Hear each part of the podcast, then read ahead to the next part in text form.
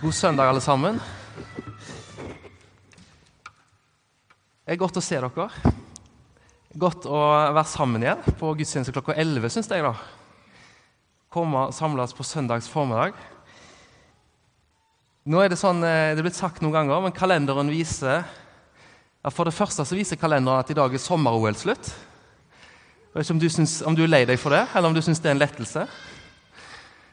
Det har vært litt mye på TV, og litt eh, kjedelig for, eh, norske, med norske øyne. Vi får begynne å glede oss til vinteren. For det andre så viser kalenderen at ja, høsten er i anmarsj, sommeren er over.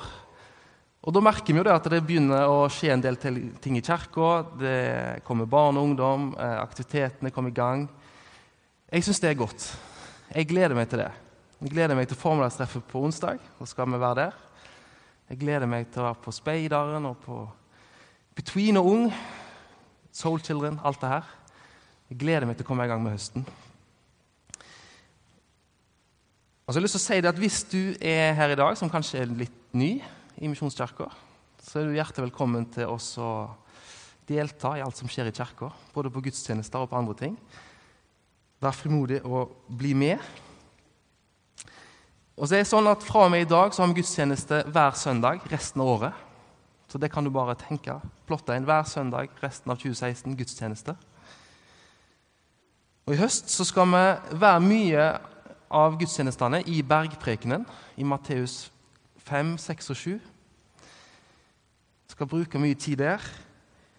Den røde tråden som vi skal snakke om, det handler om etterfølgelse, å følge Jesus. Hva vil det si i dag for oss å følge Jesus? Og hvordan er det kristne livet annerledes enn et vanlig liv i dag? Så Da har jeg lyst til å oppfordre til at dere leser de kapitlene hjemme. Så får dere litt ekstra ut av det.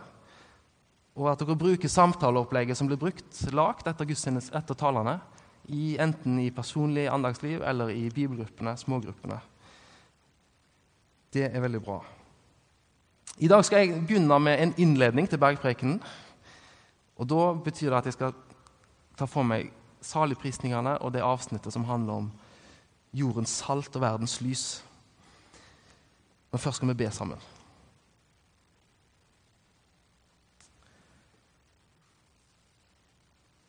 Herre Jesus Kristus. Takk for at du er her. Takk for at du er her med alt som du er, med alt du har gjort for oss.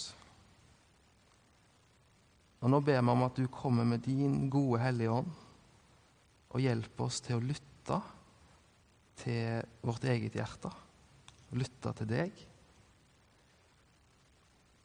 Må alt skje sånn at Faderen blir æra og forherliga gjennom deg, Jesus, vår Herre. Amen.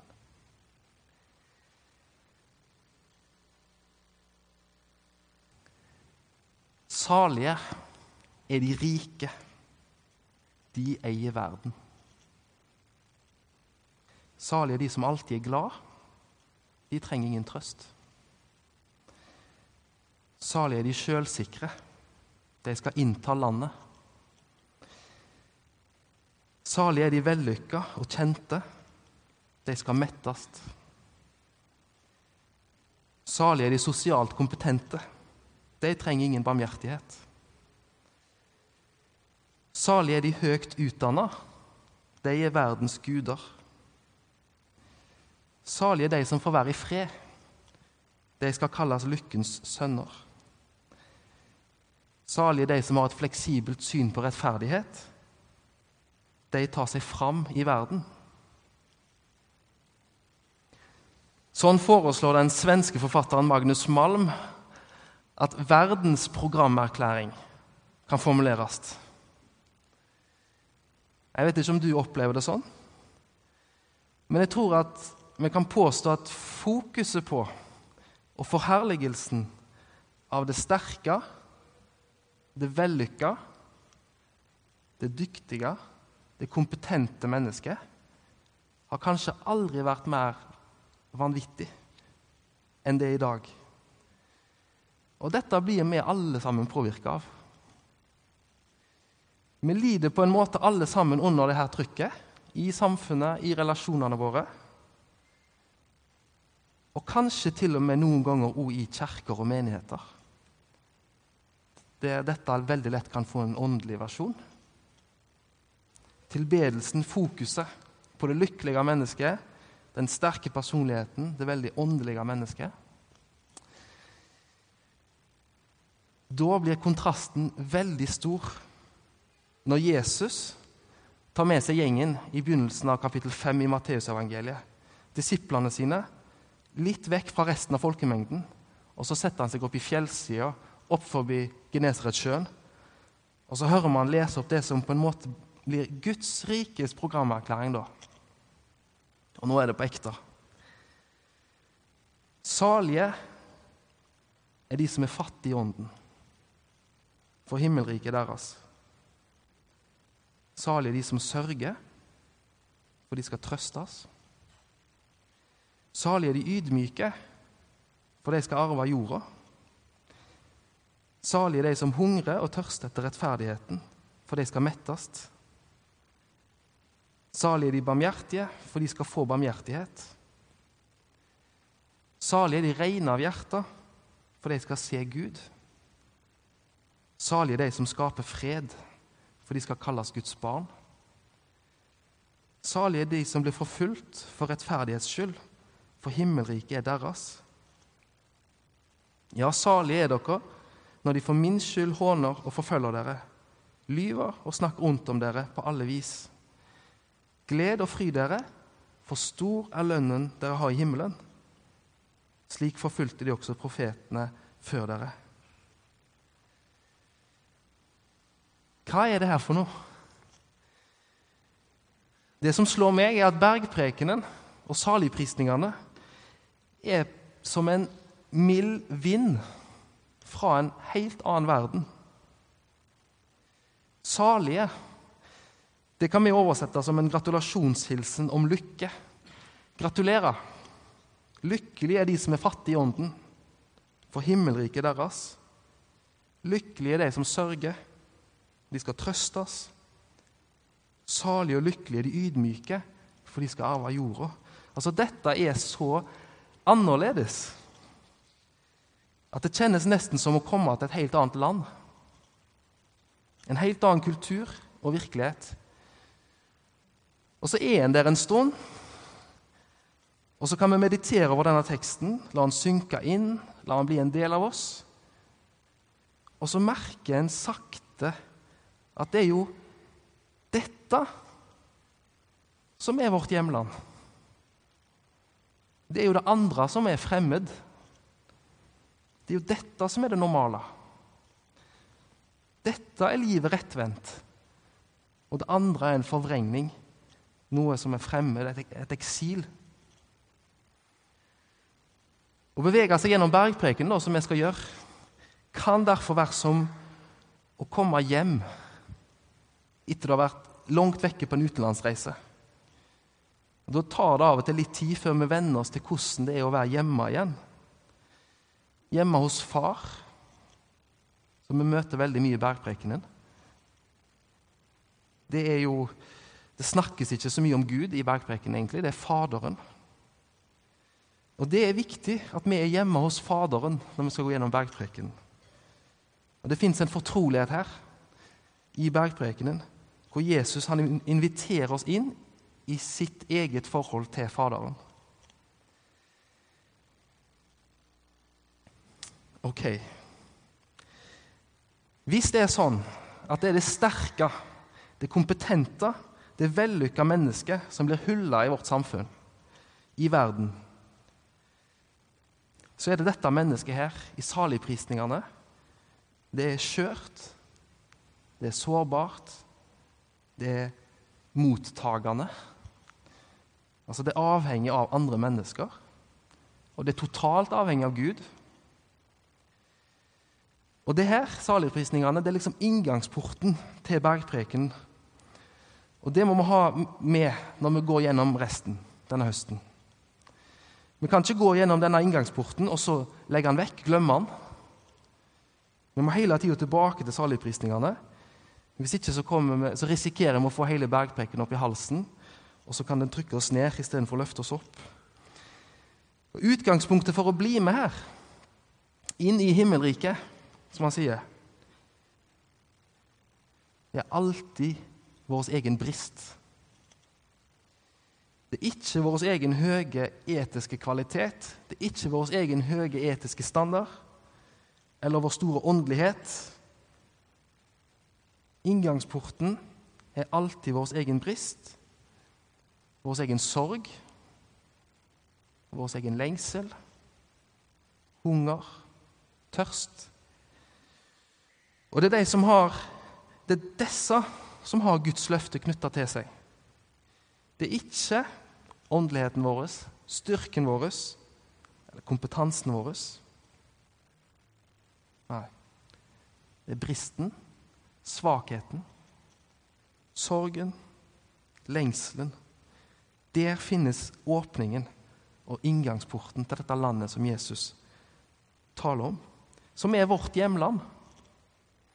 Det som han kaller himmelriket, og som handler om egentlig Guds nærvær midt i denne verden.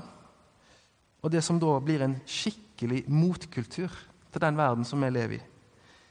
Og I Bibelen så blir Guds nærvær ofte beskrevet som et måltid.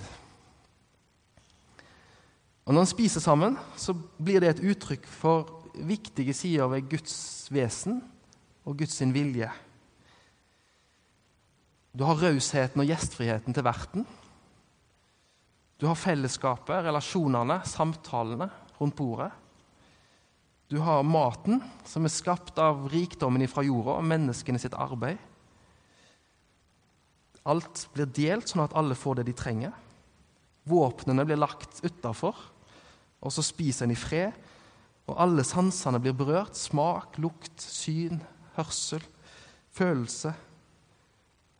Et måltid som metter, og som møter reelle behov. Guds nærvær. Og For å gi et bilde av den invitasjonen til Guds rike så forteller Jesus en annen lignelse i Lukas 14. Jeg skal lese opp det. Det var en mann, sier Jesus, som ville holde et stort gjestebud, og han innbød mange. Da tiden for gjestebudet kom, sendte han tjeneren sin av sted for å si til de innbudte.: Kom, for nå er alt ferdig. Men de begynte å unnskylde seg, den ene etter den andre. En sa, 'Jeg har kjøpt et jordstykke og må gå ut og se på det.' 'Vær så vennlig å ha meg unnskyldt.' En annen sa, 'Jeg har kjøpt fem par okser og skal ut og prøve dem.' Vær så vennlig, ha meg unnskyldt. Og en tredje sa, 'Jeg har giftet meg, derfor kan jeg ikke komme.' Tjeneren kom tilbake og fortalte dette til herren sin. Da ble husherren sint og sa til tjeneren.: Gå straks ut på byens gater og torg og hent inn de fattige og uføre og blinde og lamme.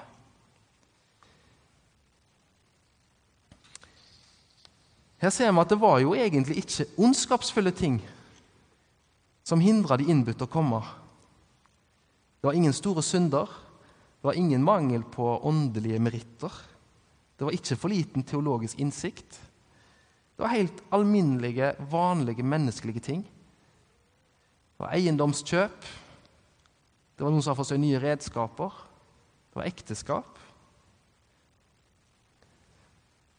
Og så kan legge merke til at de som var invitert, de bruker noen ord. Må, skal, kan ikke. Som uttrykker på en måte en ufrihet. da. De som er innbudt, er på en måte tvangsmessig bundet til noe. De er ikke i stand egentlig til å velge Guds rike. De har ganske enkelt fulgt opp av helt andre ting. Noe annet som har fulgt livene deres og bestemt livskursen. Og så tror de på Gud, men i praksis så har de ikke noe plass til Han i deres verden. Og da går innbydelsen til de fattige. De som ikke kan støtte seg til oppsparte midler. De som ikke holdes oppe av sine nettverk. De som ikke er berga av sin kompetanse. De som ikke er bonde på bauger og kanter av masse andre lojalitetsbånd De som ikke er opptatt av sine egne prosjekter.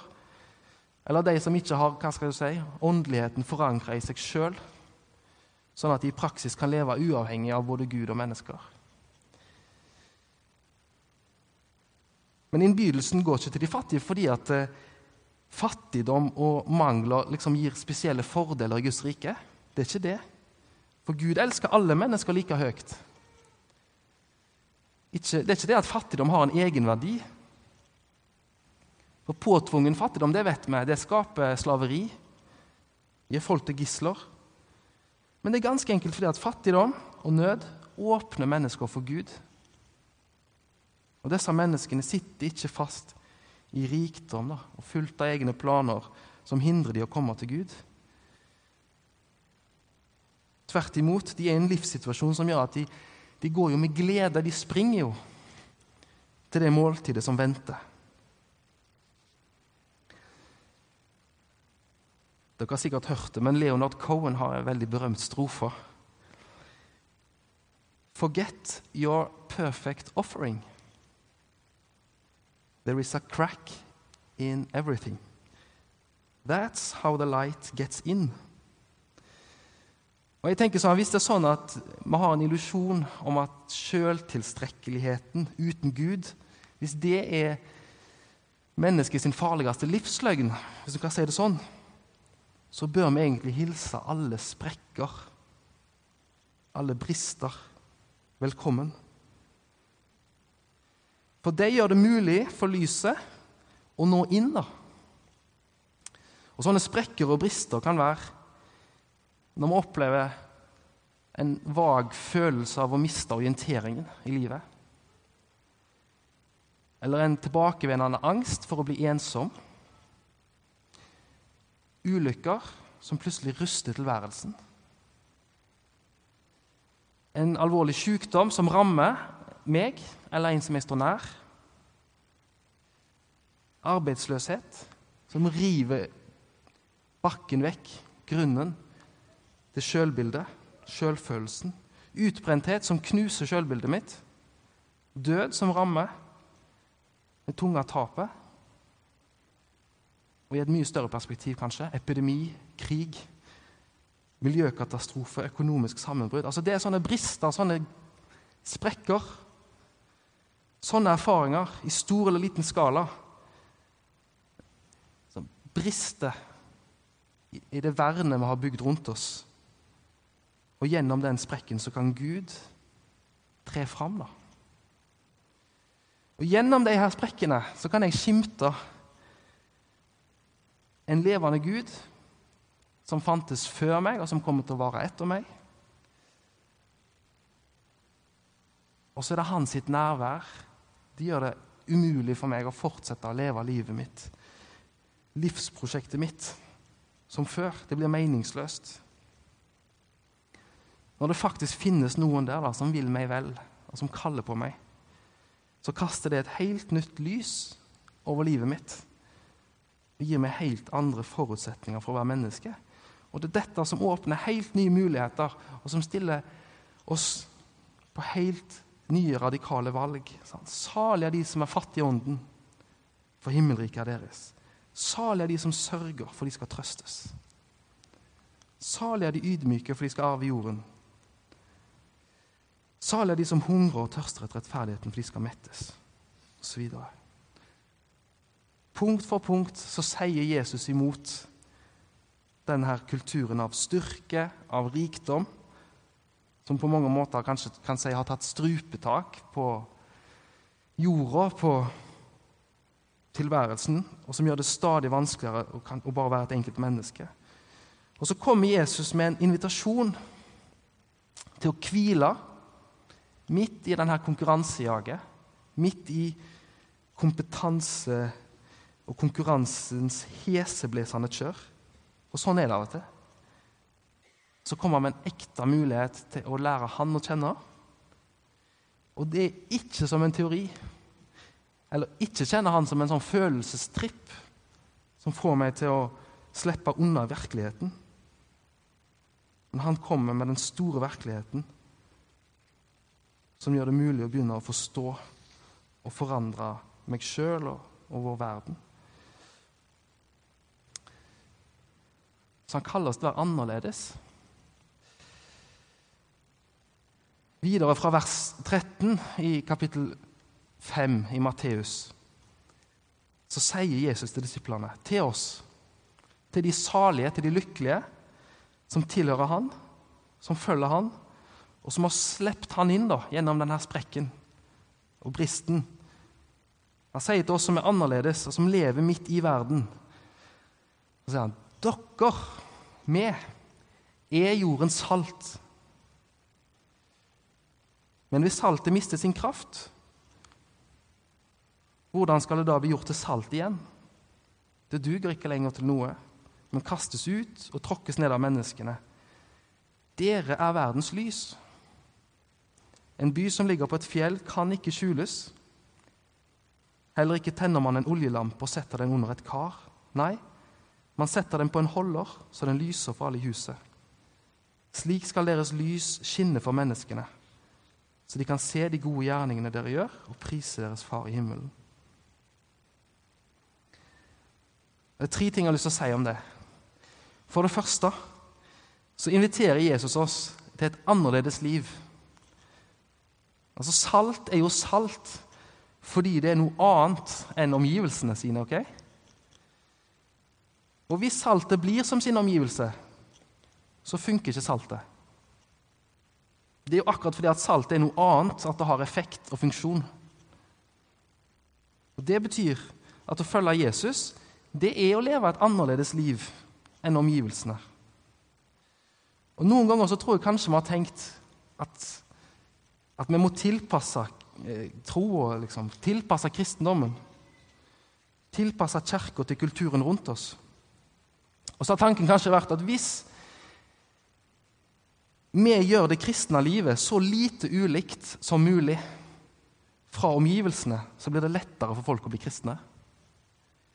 Så blir det lettere for kulturen å akseptere Kirka. Problemet er bare at hvis vi tilpasser og tilpasser og tilpasser, så har vi til slutt kanskje nesten viska ut oss sjøl, og så har saltet mista sin kraft.